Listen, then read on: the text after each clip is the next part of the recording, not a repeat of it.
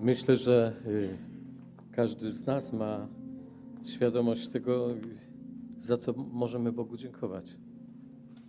Za siebie nawzajem, y, za to, że mogliśmy wstać dzisiaj, obudzić się.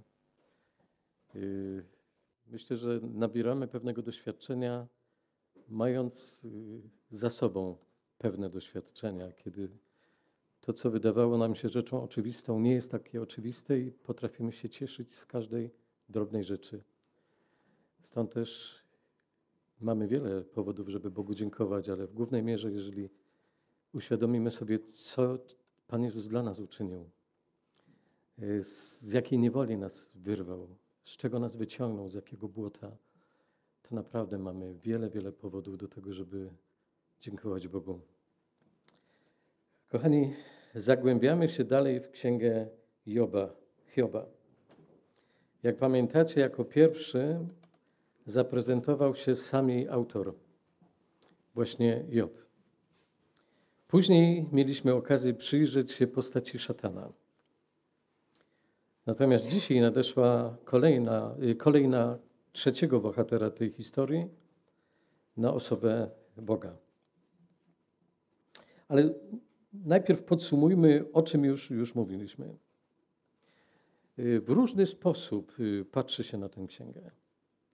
Wielu ludzi do dzisiaj uważa, że Hiob był jedynie postacią fikcyjną.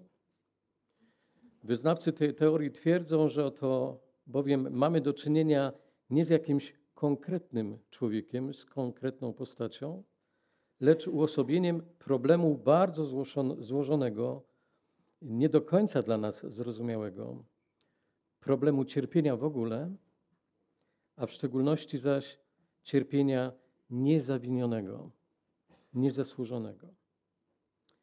Jednak uważając tak, mamy już na samym początku pewien zasadniczy problem do rozwiązania. Mianowicie, jeżeli wydaje nam się, że Hiob jest postacią fikcyjną, to jak potraktować teksty biblijne wspominające osobę Joba?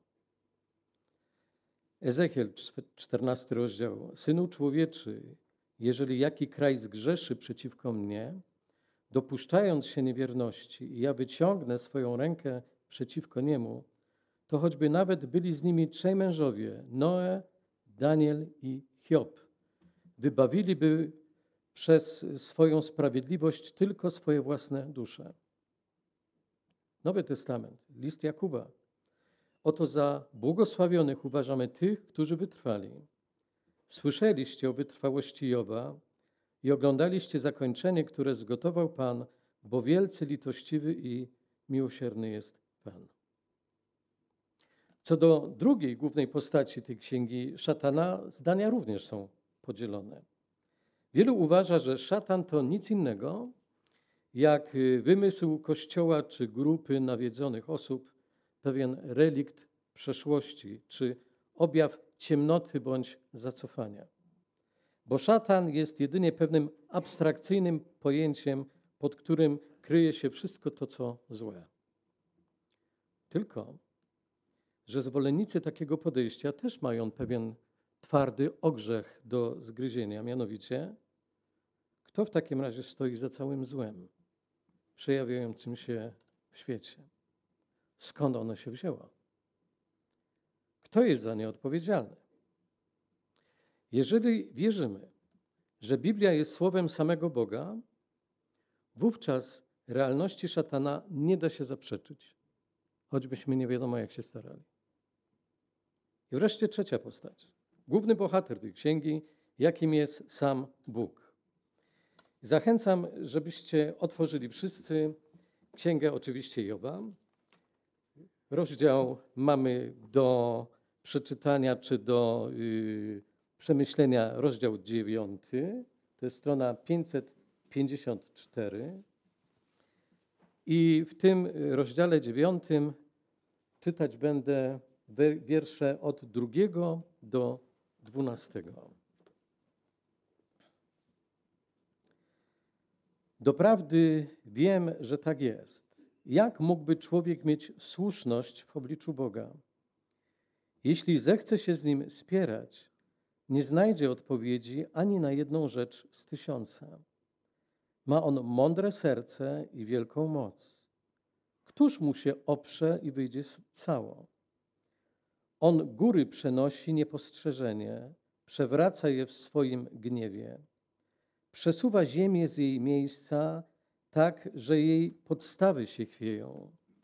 On każe słońcu, aby nie wschodziło i na gwiazdy swą pieczęć kładzie. On sam rozpościera niebiosa i kroczy po falach morskich. On stworzył niedźwiedzice Oriona, Plejady i gwiazdozbiór południa. Czyni wielkie, niezbadane rzeczy i cuda, którym nie ma miary. Oto przychodzi koło mnie, a nie widzę go, mija, a nie, nie zauważam go. Zabiera, co chce, a któż go zmusi do zwrotu? Któż mu powie, co czynisz? Kochani, potocznie uważa się, że księga Joba jest księgą poświęconą tematyce cierpienia. Pierwsze takie skojarzenie.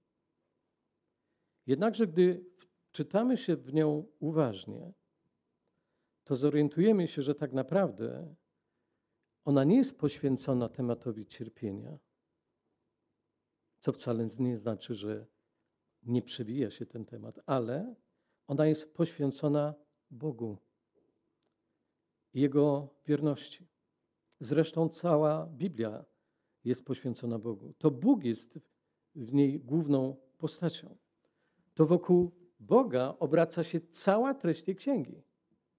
To nie jest kwestia cierpienia. Albo inaczej. Ono nie wychodzi na pierwsze miejsce, tylko tak prawdę powiedziawszy, moglibyśmy powiedzieć zupełnie trywialnie. Kiedy, wybaczcie, Job się wyszumi w kontekście wyrzucenia pewnych rzeczy, z którymi ciężko mu się było yy, zmierzyć. Powoli dochodzi główna postać, którą jest Bóg. I to On bierze w swoje ręce stery i zaczyna klarować to, co dla, dla Joba jest bardzo nieczytelne i trudne do zrozumienia. Biblia mówi o tym, kim jest Bóg. Księga Joba mówi o tym, kim jest Bóg. Jaki On jest. Jaka jest Jego natura. Wreszcie, jakie On posiada cechy, przymioty, atrybuty. Jeżeli chcemy poznać charakter Boga, o ile to jest możliwe, ale jeżeli chcemy poznać charakter Boga, to między innymi księga Hioba może być dla nas bardzo przydatna. Biblia jest księgą Boga i dowiadujemy się o niej mnóstwo rzeczy o Bogu Adonai. Biblia zawiera, jak obliczono, 365 imion Boga. Symbolika pewnego rodzaju, z których każdy określa jego charakter. W dzisiejszym, w dzisiejszym kazaniu chcę więc y, w stanie przekazać zaledwie ułamek tego, co możemy odkryć na temat Boga. Udało Wam się przeczytać całą księgę? Jeden raz? Może komuś z nas udało się dwa albo trzy razy. Ale bez względu na to, czy jesteśmy po jednokrotnej lekturze, czy też kilka razy przeczytaliśmy tę księgę, myślę, że możecie przyznać razem ze mną, że księga Hioba jest jedną z najtrudniejszych ksiąg. I z jednej strony powiem Wam szczerze, że kiedy myślałem o powrocie do służby i kiedy zastanawiałem się, modliłem się, Panie, nie pozwól mi znowu gdzieś wchodzić w jakiś szpital, bo tego było dosyć przez te półtorej roku, to pierwszą myślą, która mi się pojawiała, kiedy już w swojej wyobraźni byłem w tym miejscu, w którym jestem i razem przy Was, pierwszą myślą było to, że muszę podjąć się Księgi Joba. Potem, kiedy zacząłem ją studiować, uświadomiłem sobie, w co wszedłem. Kiedy uświadomiłem sobie, że pewne rzeczy wydawały mi się tak proste, tak znajome, a później im dłużej, bardziej gruntownie zacząłem ją czytać, uświadomiłem sobie, że to jest naprawdę niełatwa księga. Kochani, szczerze mówiąc, nie do końca rozumiem wiele zagadnień, o których Księga Joba mówi. Szczególnie choćby nawet tego, dlaczego Bóg pozwolił na takie cierpienie Joba. Albo inaczej, dlaczego dał podpuścić się szatanowi? Bo o tym czytamy na samym początku, w pierwszych dwóch rozdziałach. Bo tak rozumiem, gdy mówi y, Bóg do szatana, chociaż ty mnie podburzyłeś, abym go bez przyczyny zgubił. Rozdział drugi, wiersz trzeci. Dlaczego więc Bóg do tego dopuścił? Nie wiem. Wiem natomiast, że Bóg od początku wiedział, jak się to skończy. Gdy przebywałem po udarze mózgu w sanatorium w Ustroniu, odwiedzili mnie m.in. pastor Kazik Barczuk z żoną. I na koniec wizyty pastor Kazik modlił się tak: Panie, nie rozumiemy tego, co się dzieje, ale czy musimy rozumieć? Tak często czegoś nie rozumiemy. Ale czy musimy rozumieć? Czy wszystko jesteśmy w stanie racjonalnie sobie wytłumaczyć? Czasami jest tak, że kiedy coś się dzieje, nie wiemy, nie rozumiemy czemu, i Bóg pozwala, że upływa pewien czas. I to, czego nie rozumieliśmy, po tym upływie czasu staje się dla nas logiczne i układa się to w pewną całość. Fajnie, że tak jest.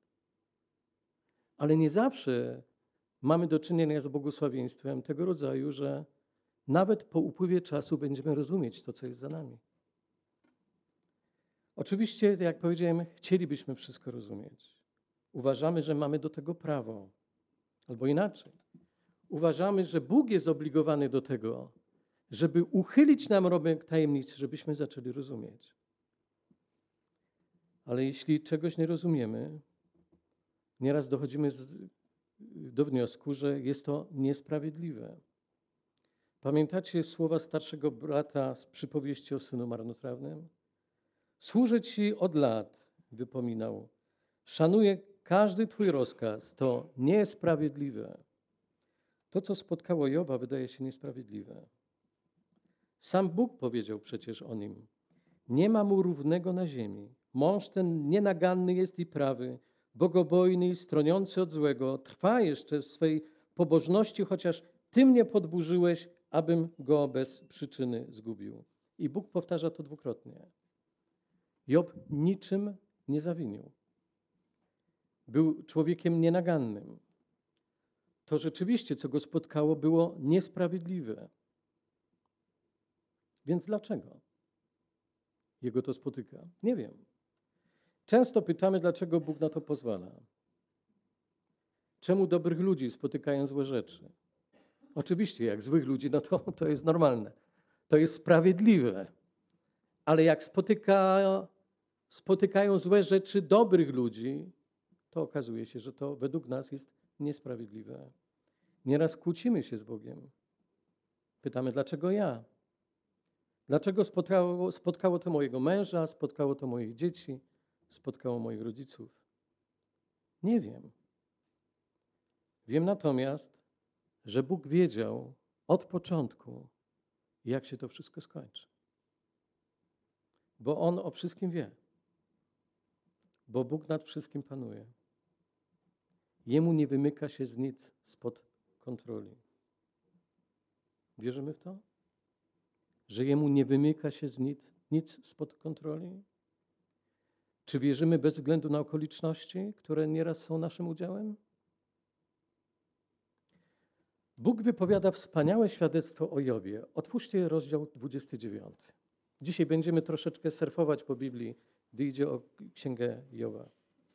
Cały 29 rozdział jest opisem tego, jakim człowiekiem Job był na co dzień.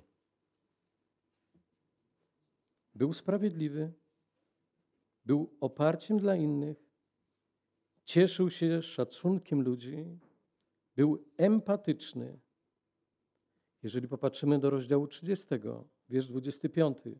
Czy nie płakałem nad utrapionymi przez los, a moja dusza nie ubelewała nad biednym? Sam Job mówi o sobie. Bóg o tym wszystkim wiedział. On także wiedział, jakim Job był w trakcie doświadczenia, przez które przechodził. 30 rozdział, wiersz od 15 do 17.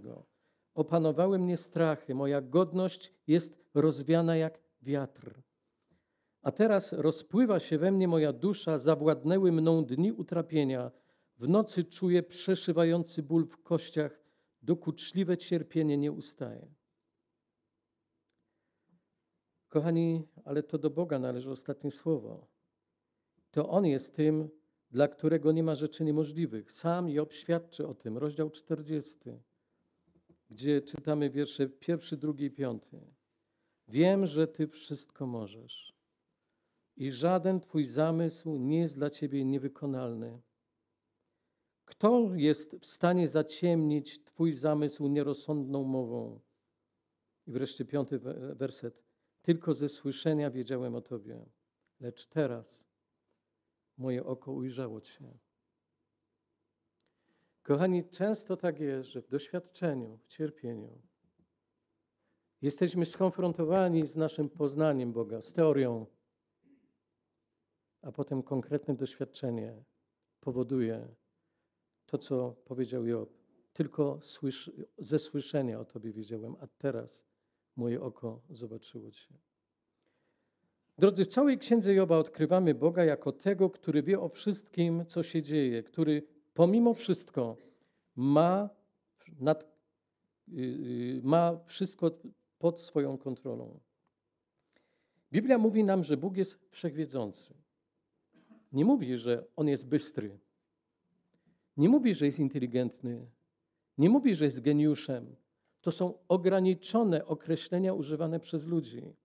A my jesteśmy ograniczeni choćby przez takie rzeczy jak miejsce i czas. To, co Biblia chce nam przekazać, to fakt, że Bóg wie o wszystkim. Pomyśl teraz, czy obecnie tutaj siedzisz w kościele, czy słuchasz. Pomyśl o rzeczach, które są dla ciebie trudne. Biblia chce przekazać, że Bóg wie o wszystkim. To może być rzecz, która nas podniesie, kiedy wiemy, że nie jesteśmy sami. Ale to też może być rzecz, która nas zdruzgocze, kiedy uświadomimy sobie, że jesteśmy grzesznymi ludźmi i konkretne grzechy uświadomimy sobie. On wie o wszystkim. Pytanie, co my z tą wiedzą zrobimy? Czy skieruje nas do góry, do Niego, czy też damy sobie spokój? Kochani, żadne nasze pytanie Go nie zaskoczy. On wie wszystko i ma odpowiedzi na wszystkie pytania. Żadne wydarzenie Go nie zdziwi. Żadne wybory, żadne nasze dylematy nie są dla Niego zbyt skomplikowane. Żadne nasze zamysły nie są dla Niego zaskoczeniem. On jest wieczny. Przenika wszystko i wszystkich, wszystko rozumie i ma doskonałą wiedzę o wszystkim. Job pisze, rozdział 12, a potem z rozdziału 36. W jego ręku jest życie wszelkiego stworzenia i duch wszystkich ludzi. Ale u niego jest mądrość i moc, u niego rada i roztropność. Gdy on zburzy, nikt nie może odbudować, gdy on zamknie, nikt nie może otworzyć. U niego jest moc i mądrość, jego jest ten, który błądzi i ten, który ma na manowce sprowadza. Czy rozdział 36, wiersz 26. Oto Bóg jest wzniosły w swoim działaniu. Gdzie jest taki wykonawca, wychowawca, przepraszam, jak on? Kto wyznacza mu jego postępowanie i kto powie, popełniłeś zło? Pamiętaj, abyś raczej wysławiał jego działanie. Oto Bóg jest wzniosły, a tylko my tego nie możemy poznać. Liczba jego lat jest niezbadana. Kochani, jego wiedza sięga o wiele dalej niż wydarzenia, jakie mają miejsce. Bóg doskonale wie, na jakiej zasadzie wszystko działa. Zna doskonale wszystkie tajemnice biologii, mojej fizjologii, chemii, geologii, medycyny. Zna prawa rządzące kosmosem, zna używając języka, którego zresztą sam Job używa, kiedy rozmawia z Bogiem. Zna przyczyny i drogi słońca, księżyca i chmur. Job stwierdza, rozdział 26, a potem przeczytam 10 rozdziałów dalej, rozdział 36. Rozpościera północ nad pustką, a ziemię zawiesza nad nicością. Skupia wody w swoich chmurach, a jednak obłok nie pęka pod ich ciężarem. Na krańcu wód zakreślił granice, oddzielił światłość od ciemności. Kolumny niebieskie chwieją się i drżą przed jego groźbą. Swoją mocą uspokoił morze, a swoją mądrością zmiażdżył Rachaba. Od jego tchnienia rozjaśnia się niebo. Rozdział 36. On wyciąga kropelki z morza i te rozlewają się w oparach deszczu, którym ociekają chmury i który spada na mnóstwo ludzi. Oto on roztacza wokoło siebie mgłę i okrywa głębiny morskie. W swoich dłoniach kryje błyskawice i każe jej trafić w cel. Kochani, w odróżnieniu od wiedzy wszystkich innych istot, wiedza Boga nie jest ograniczona w czasie. On ma nie tylko rozeznanie zarówno co do naszej przyszłości, ale też przeszłości. Bóg wie, kim będziemy, jeżeli Bóg pozwoli za 20-30 lat. Ale Bóg też wie, jakimi byliśmy 20 lat temu. Co robiliśmy 20 lat temu. W odróżnieniu od komputera nie ma problemów z pamięcią, z którego należałoby usunąć jakieś stare dane, by zrobić wolne miejsca na nowe informacje. Chociaż Bóg śledzi drogę księżyca i gwiazd, żaden ptak, jak mówi słowo, nie spadnie na ziemię bez jego wiedzy. Mateusz 10 y, rozdział czytamy w Ewangelii, czyż nie sprzedają za, grub, za grosz dwóch wróbli, a jednak, on, a jednak ani jeden z nich nie spadnie bez woli Ojca Waszego. I ta wiedza także i na nasz temat obejmuje, choćby nawet wydawałoby się nam, drobiazgi, tak jak czytamy w Mateuszu, ilość włosów na głowie każdego z nas. No, ze mną nie ma Bóg problemów, gdy chodzi o policzenie ilości moich włosów, ale Bóg wie doskonale wszystko o nas. Bóg wie doskonale i wiedział, co i dlaczego się dzieje w życiu Hioba, pomimo że Hiob tej wiedzy nie miał. I ta zasada dotyczy także nas. Bóg wie, co się dzieje w naszym życiu i dlaczego to się dzieje w naszym życiu. Jest to możliwe, ponieważ Bóg, mając wejrzenie i wiedzę co do naszej przyszłości, wie, jaki będzie koniec tego, co w danym momencie teraz jest trudne, z czym nie potrafimy sobie poradzić. Bóg wie, co będzie za rok, za dwa, za trzy lata. Pomimo, że teraz tej wiedzy nie mamy. Często spekulujemy, co może być, Natomiast Bóg mówi, używa jako pewnika tego, co będzie w moim życiu, w Twoim życiu za dwa, trzy lata. Kochani, Bóg słyszy każde nasze słowo, każdą moją Twoją skargę. To jest niesamowite.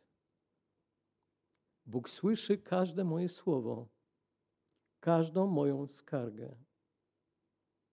Może wydaje Ci się, że nikt nie słyszy Twojej skargi, Twojego płaczu, Twojego krzyku, który ma miejsce w Twoim sercu. A Bóg to słyszy. Każde westchnienie. Hiob mówi, ubolewając nad zesłaną na niego niedolą. Rozdział 16, 17, a potem 30. Chociaż mówię, nie ukoi się mój ból, a choć mówi, przestanę, nie opuści mnie, ale teraz On wyczerpa moją siłę i opanowała mnie straszna boleść. Mój duch wycieńczony, moje dni gasną, tylko groby na mnie czekają. Moje oko zamgliło się od zgryzoty, a wszystkie moje członki są jak cień. Moje wnętrzności burzą się i nie mogą się uspokoić. Każdy dzień przynosi mi utrapienie. Moja skóra szczerniała i opada ze mnie, a moje kości są spieczone od gorączki. Wypowiadałeś kiedyś taką modlitwę przed Bogiem? Gdy chodzi o Twoje samopoczucie, o Twoje zdrowie? Bóg zna każdą moją i Twoją skargę. Kochani, On wie, czego potrzebujemy. Zna nasze myśli, zna nasze sekrety. Job potrzebował pewności, że nie jest sam, że Bóg go nie opuścił. Nieraz miał takie przeświadczenie, potrzebował pewności, że Bóg go rozumie. I kochani, to jest, kiedy czytam Księgę Joba, nie tylko w kontekście potem y, dyskusji, o tym będziemy w następnych częściach rozmawiać, kiedy spotykają się przyjaciele, kiedy dyskutują, kiedy próbują znaleźć dziury w całym, tak prawdę powiedziawszy, Job ma możliwość ku temu, żeby sam na sam, nie tylko, że myśleć, ale mówić przed samym sobą i przed Bogiem to wszystko, z czym jest mu źle, trudno, czego nie jest w stanie sobie y, zrozumieć. Kochani, Bóg wie o naszych zranieniach, o naszych bliznach. Job zna, doznał mnóstwo bólu. Przeżył śmierć dzieci, chorobę i myślę najtrudniejsze docinki ze strony najbliższych. Zraniony jest przez swoją żonę, która nie rozumiejąc tego, co się dzieje, złorzeczy Hiobowi i życzy mu śmierci. Ktoś mógłby powiedzieć, te relacje pomiędzy Hiobem i żoną nie do końca musiały być właściwe. Ale być może żona Hioba znalazła się na granicy wytrzymałości. Ale myślę, że tak jak jesteśmy w stanie znieść docinki ludzi, którzy są nie tyle do nas negatywnie nastawieni, ale ci, którzy są z zewnątrz, jesteśmy w stanie łatwiej je znieść. Najtrudniej jest się przeciwstawić czy skonfrontować z takimi informacjami, które dochodzą od środka. Job jest zraniony przez przyjaciół, którzy zamiast pomóc, oskarżają go. Job jest zraniony przez ludzi. 30 rozdział. Ludzie bezecni, nikczemnicy, których batem wypędzono z kraju, a teraz śmieją się o mnie i śpiewają szydercze pieśni i stałem się ich pośmiewiskiem. Brzydzą się mną, trzymają się z dala ode mnie i ośmielają się pluć mi w twarz. Bóg wie, co czuje Hiob. Kochani, Bóg wie także o naszych zranieniach i bliznach. Niektórzy z nas mają stare, niezagojone blizny, pochodzące czy z dzieciństwa. Niektórzy z nas mają świeże, świeże rany, zbyt świeże, żeby je nazwać bliznami, bo one są dalej otwarte i dalej krwawią i bolą. Wielu z nas krwawi emocjonalnie lub duchowo, ponieważ roztrzaskały się jakieś marzenia czy plany. Przeżyliśmy jakieś porażki rodzinne, biznesowe czy zdrowotne. Niektórzy z nas doświadczyli tragedii utraty bliskiej, bliskiej nam osoby. Bóg wie.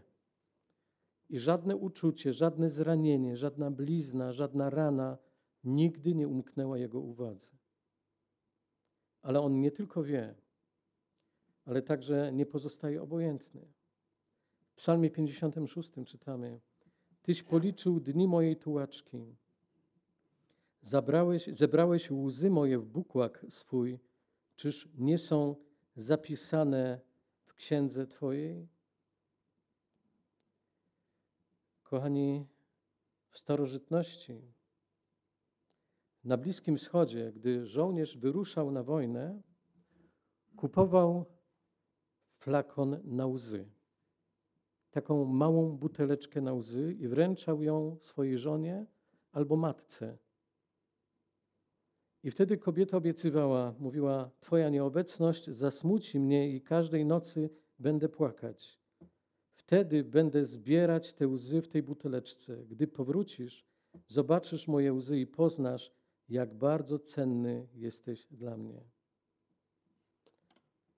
Kochani, myślę, że gdy Bóg powita nas w niebie, obyśmy wszyscy tam się znaleźli, to będzie mógł pokazać nasze buteleczki z naszymi łzami. Uśmiechając się jednocześnie do nas i powie, kochana, nie wiem, Marto, Reniu, Basiu, Łukaszu, tutaj są wszystkie Twoje łzy. Ani jednej nie zgubiłem. Ja wiem, jak to boli, gdy traci się kogoś, kogo się kocha. Ja wiem. Bo stałem pod krzyżem mojego syna i wiem, co czujesz. Kochani, jest w życiu łatwiej,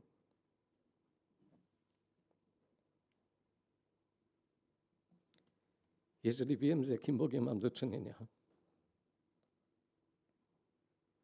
Z Bogiem, którego rozrywa ból.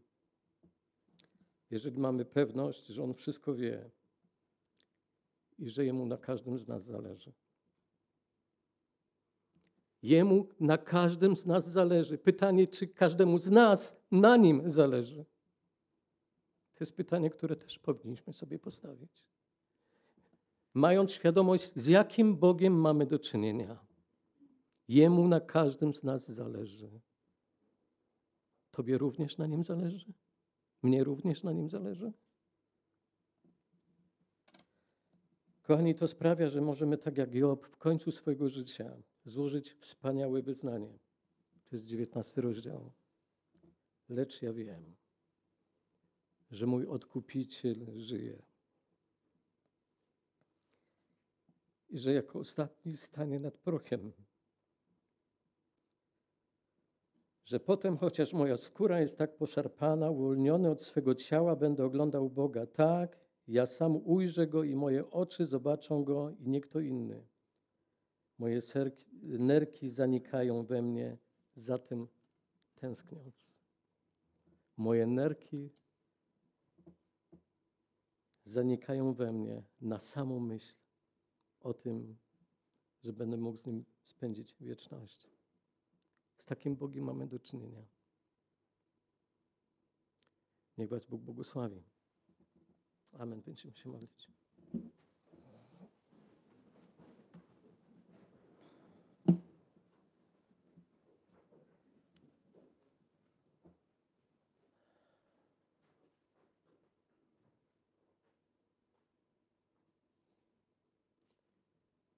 Panie, Ty wiesz, że nie zawsze wszystko jest dla nas zrozumiałe.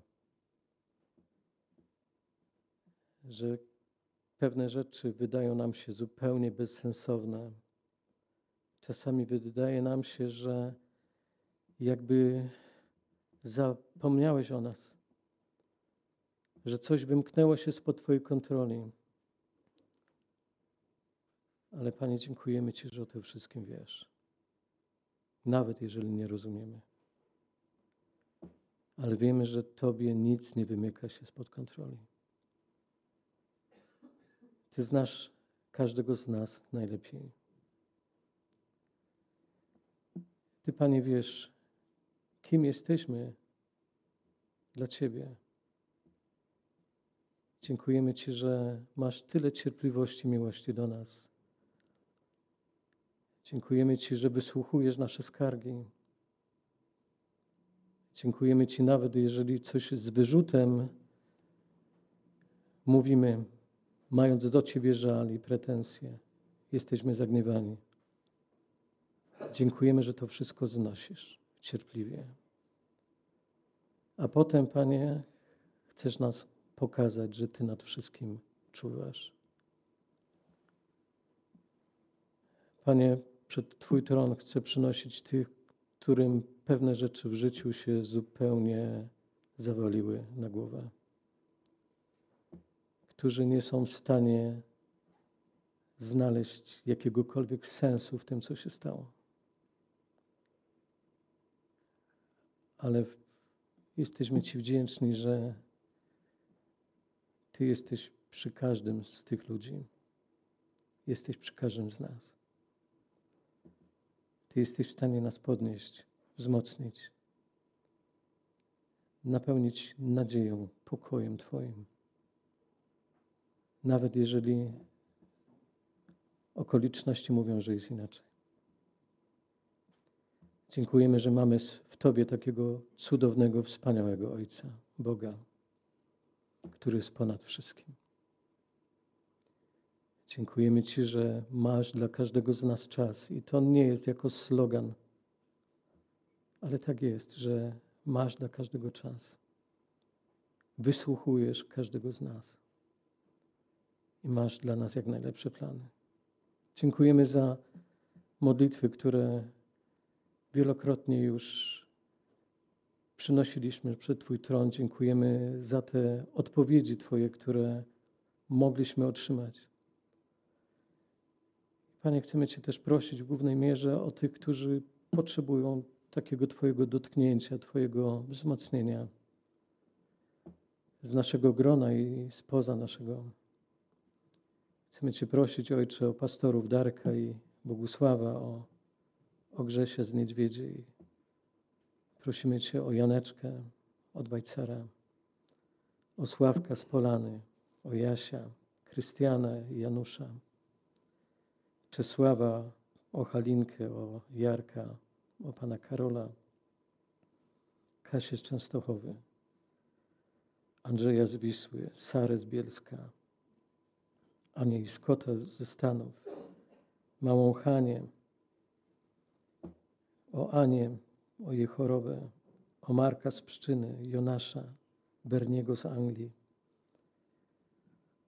Chcemy Cię prosić, Panie, o małego Marka, prosimy Cię o Bożenę z Wisły. Prosimy Cię o rodzinę, która wczoraj została sama, idzie o śmierć męża, taty.